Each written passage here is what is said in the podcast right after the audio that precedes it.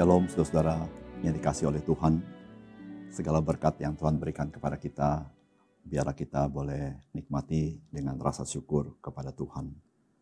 Karena sebenarnya hidup kita merupakan pemeliharaan daripada kasih Tuhan kepada kita. Salam jumpa dalam program Tuhan adalah Gembalaku. Ada tiga hari raya besar bagi bangsa Yahudi di mana orang laki-laki harus datang ke Yerusalem, yaitu hari raya roti tidak beragi dan hari raya Paskah serta hari raya Pentakosta.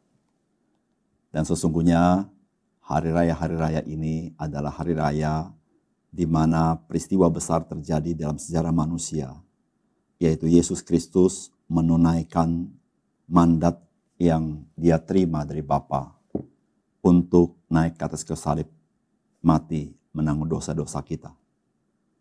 Dan juga hari Pentakosta merupakan hari raya yang penting di mana roh kudus dicurahkan. Sehingga saudara-saudara peristiwa-peristiwa besar yang terkait dengan Yesus Kristus terjadi ketika orang berkumpul di Yerusalem. Sehingga mata menyaksikan semuanya itu. Nah saudara yang kasih dalam Tuhan, sering kali orang berpikir bahwa kematian Yesus di atas kayu salib memberitahukan bahwa Yesus tidak berdaya dengan pemimpin-pemimpin agama, bahkan oleh pemimpin Romawi. Atau banyak orang berpikir kematian Yesus Kristus karena jasa Yudas Iskariot. Saudara ini akan kita renungkan pada hari ini dari firman Tuhan yang terdapat di dalam Matius pasal 26 ayat 17 sampai ayat 25. Pada hari pertama dari hari raya roti tidak beragi, datanglah murid-murid Yesus kepadanya dan berkata, "Di mana engkau kehendaki kami mempersiapkan perjamuan Paskah bagimu?"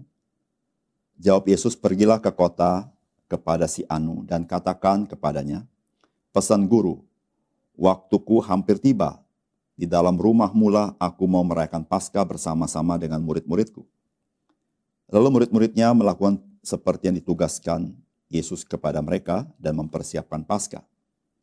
Setelah hari malam, Yesus duduk makan bersama-sama dengan kedua belas murid itu. Dan ketika mereka sedang makan, ia berkata, Aku berkata kepadamu, sesungguhnya seorang di antara kamu akan menyerahkan aku. Dan dengan hati yang sangat sedih, berkatalah mereka seorang demi seorang kepadanya, bukan aku ya Tuhan. Ia menjawab, dia yang bersama-sama dengan aku mencelupkan tangannya ke dalam pinggan ini, dialah yang akan menyerahkan aku. Anak manusia memang akan pergi sesuai dengan yang ada tertulis tentang dia. Akan tetapi celakalah orang yang olehnya anak manusia itu diserahkan. Adalah lebih baik bagi orang itu sekiranya ia tidak dilahirkan. Yudas yang hendak menyerahkan dia itu menjawab katanya, Bukan aku ya Rabi. Kata Yesus kepadanya, Engkau telah mengatakannya. Saudara-saudara yang dikasih oleh Tuhan, makan Paskah merupakan perbuatan religius yang dilakukan oleh orang-orang Yahudi. Biasanya mereka berkumpul dengan keluarga untuk makan Paskah bersama. Saudara itulah yang Tuhan Yesus lakukan dengan murid-muridnya, yaitu makan Paskah bersama dengan murid-muridnya.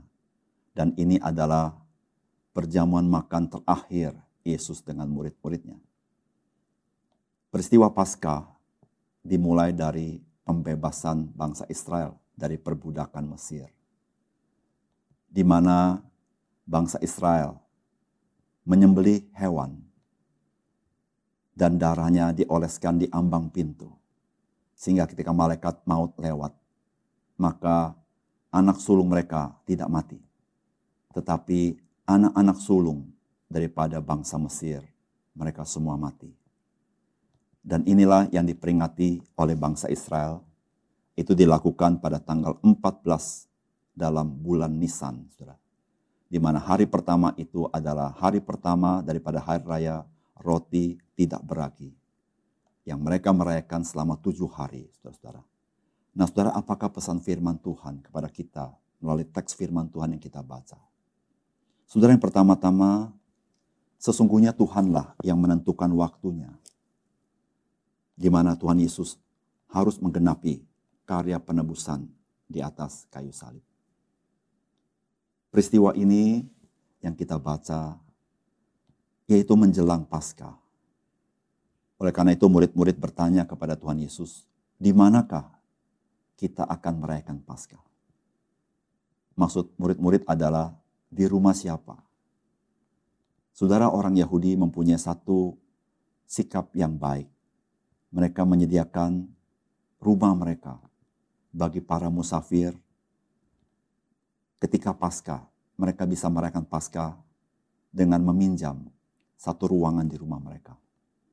Saudara sebenarnya itulah yang Yesus lakukan dengan murid-muridnya.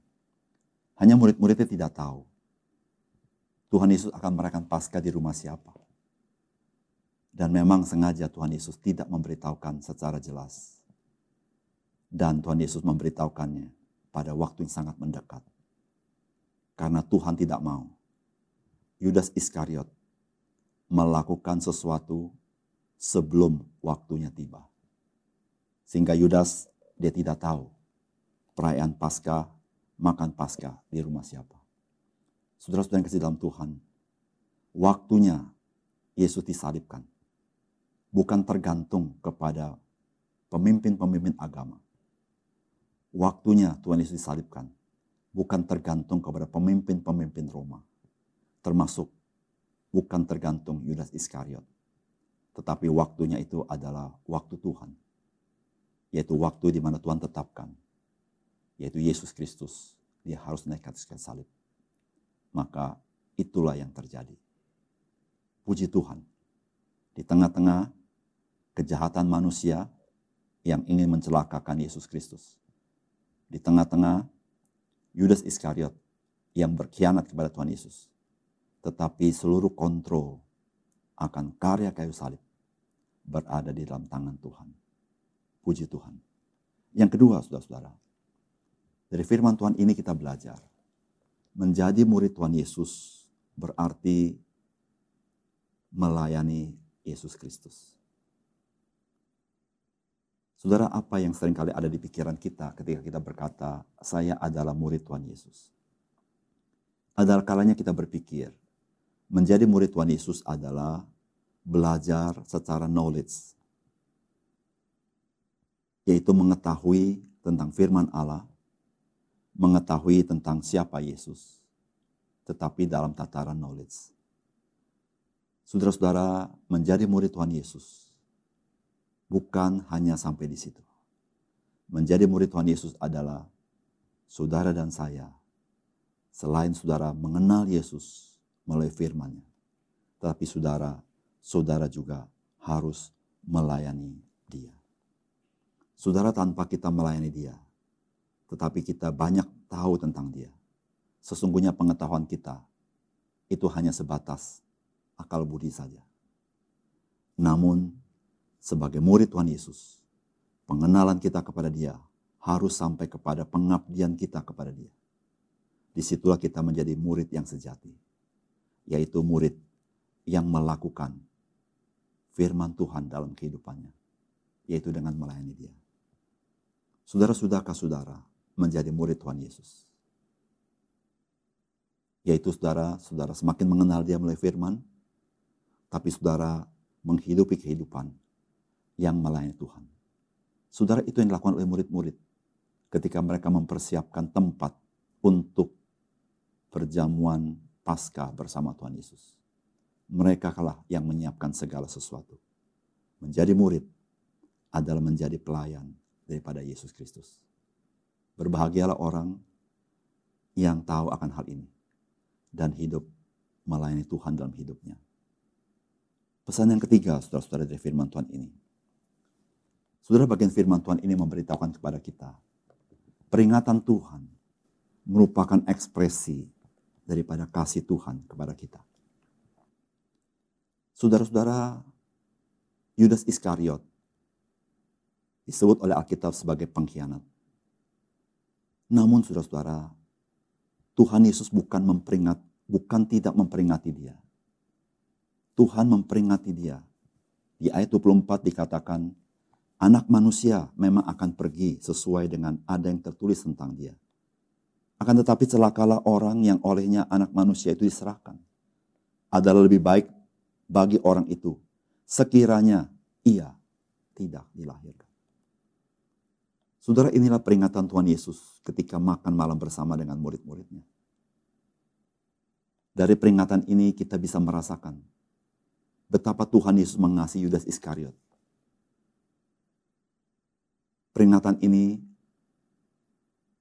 untuk menolong Yudas Iskariot mengetahui bahwa Tuhan Yesus sungguh mengasihi dia. Namun saudara-saudara, sikap Yudas Iskariot tidak merupakan sikap yang baik. Karena kalau saudara baca firman Tuhan, Yudas Iskariot merasa bahwa apa yang Yesus katakan kepada dia tidak perlu diperhatikan. Yudas merasa dia tidak tidak tahu menahu tentang hal itu. Saudara yang kasih dalam Tuhan, sikap Yudas Iskariot menunjukkan bahwa dia tidak percaya kepada Tuhan Yesus. Oleh karena itu saudara-saudara, Yudas Iskariot, dia mengkhianati Yesus Kristus. Saudara yang kasih dalam Tuhan, ketika Tuhan memperingati kita dalam firman-Nya, Saudara, karena Tuhan mengasihi kita. Marilah saudara, kita menjadi orang bijaksana. Ketika Tuhan memperingati kita, kita mau percaya kepada dia. Dan kita mau percaya kepada peringatannya. Sehingga kita tidak jatuh ke dalam dosa. Tetapi kita hidup di dalam jalan Tuhan. Berbahagialah orang yang hidupnya taat kepada firman Tuhan. Hidup sesuai dengan peringatan-peringatan Tuhan sehingga kita boleh hidup berkenan kepada Tuhan. Mari kita berdoa. Bapak surga terima kasih untuk kebenaran firman-Mu. Biarlah firman-Mu sekali lagi menolong kami. Menyadari akan otoritas Tuhan, kedaulatan Tuhan.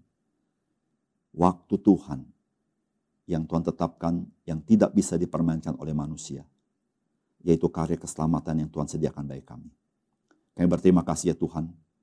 Karena kami melihat betapa Tuhan mengasihi bahkan orang seperti Yudas Iskariot yang tidak percaya kepadamu. Tuhan tetap memberikan peringatan kepadanya. Apatah lagi kami adalah orang-orang percaya. Biarlah kami sungguh-sungguh mau memperhatikan apa yang Tuhan katakan kepada kami. Sehingga kami tidak jatuh dalam dosa ya Tuhan. Tetapi kami boleh mengikuti maksud dan kehendak Tuhan dalam hidup kami. Tuhan kami serahkan hidup kami hari ini ke dalam tangan Tuhan. Bila hari ini kami menjadi orang-orang Kristen yang terus-menerus belajar melayani Tuhan dengan melayani orang lain. Sehingga dengan demikian kami boleh menjadi murid Tuhan yang selalu dididik, dibentuk oleh Engkau, menjadi semakin serupa dengan Engkau. Terima kasih Tuhan. Dalam nama Tuhan Yesus kami berdoa. Amin.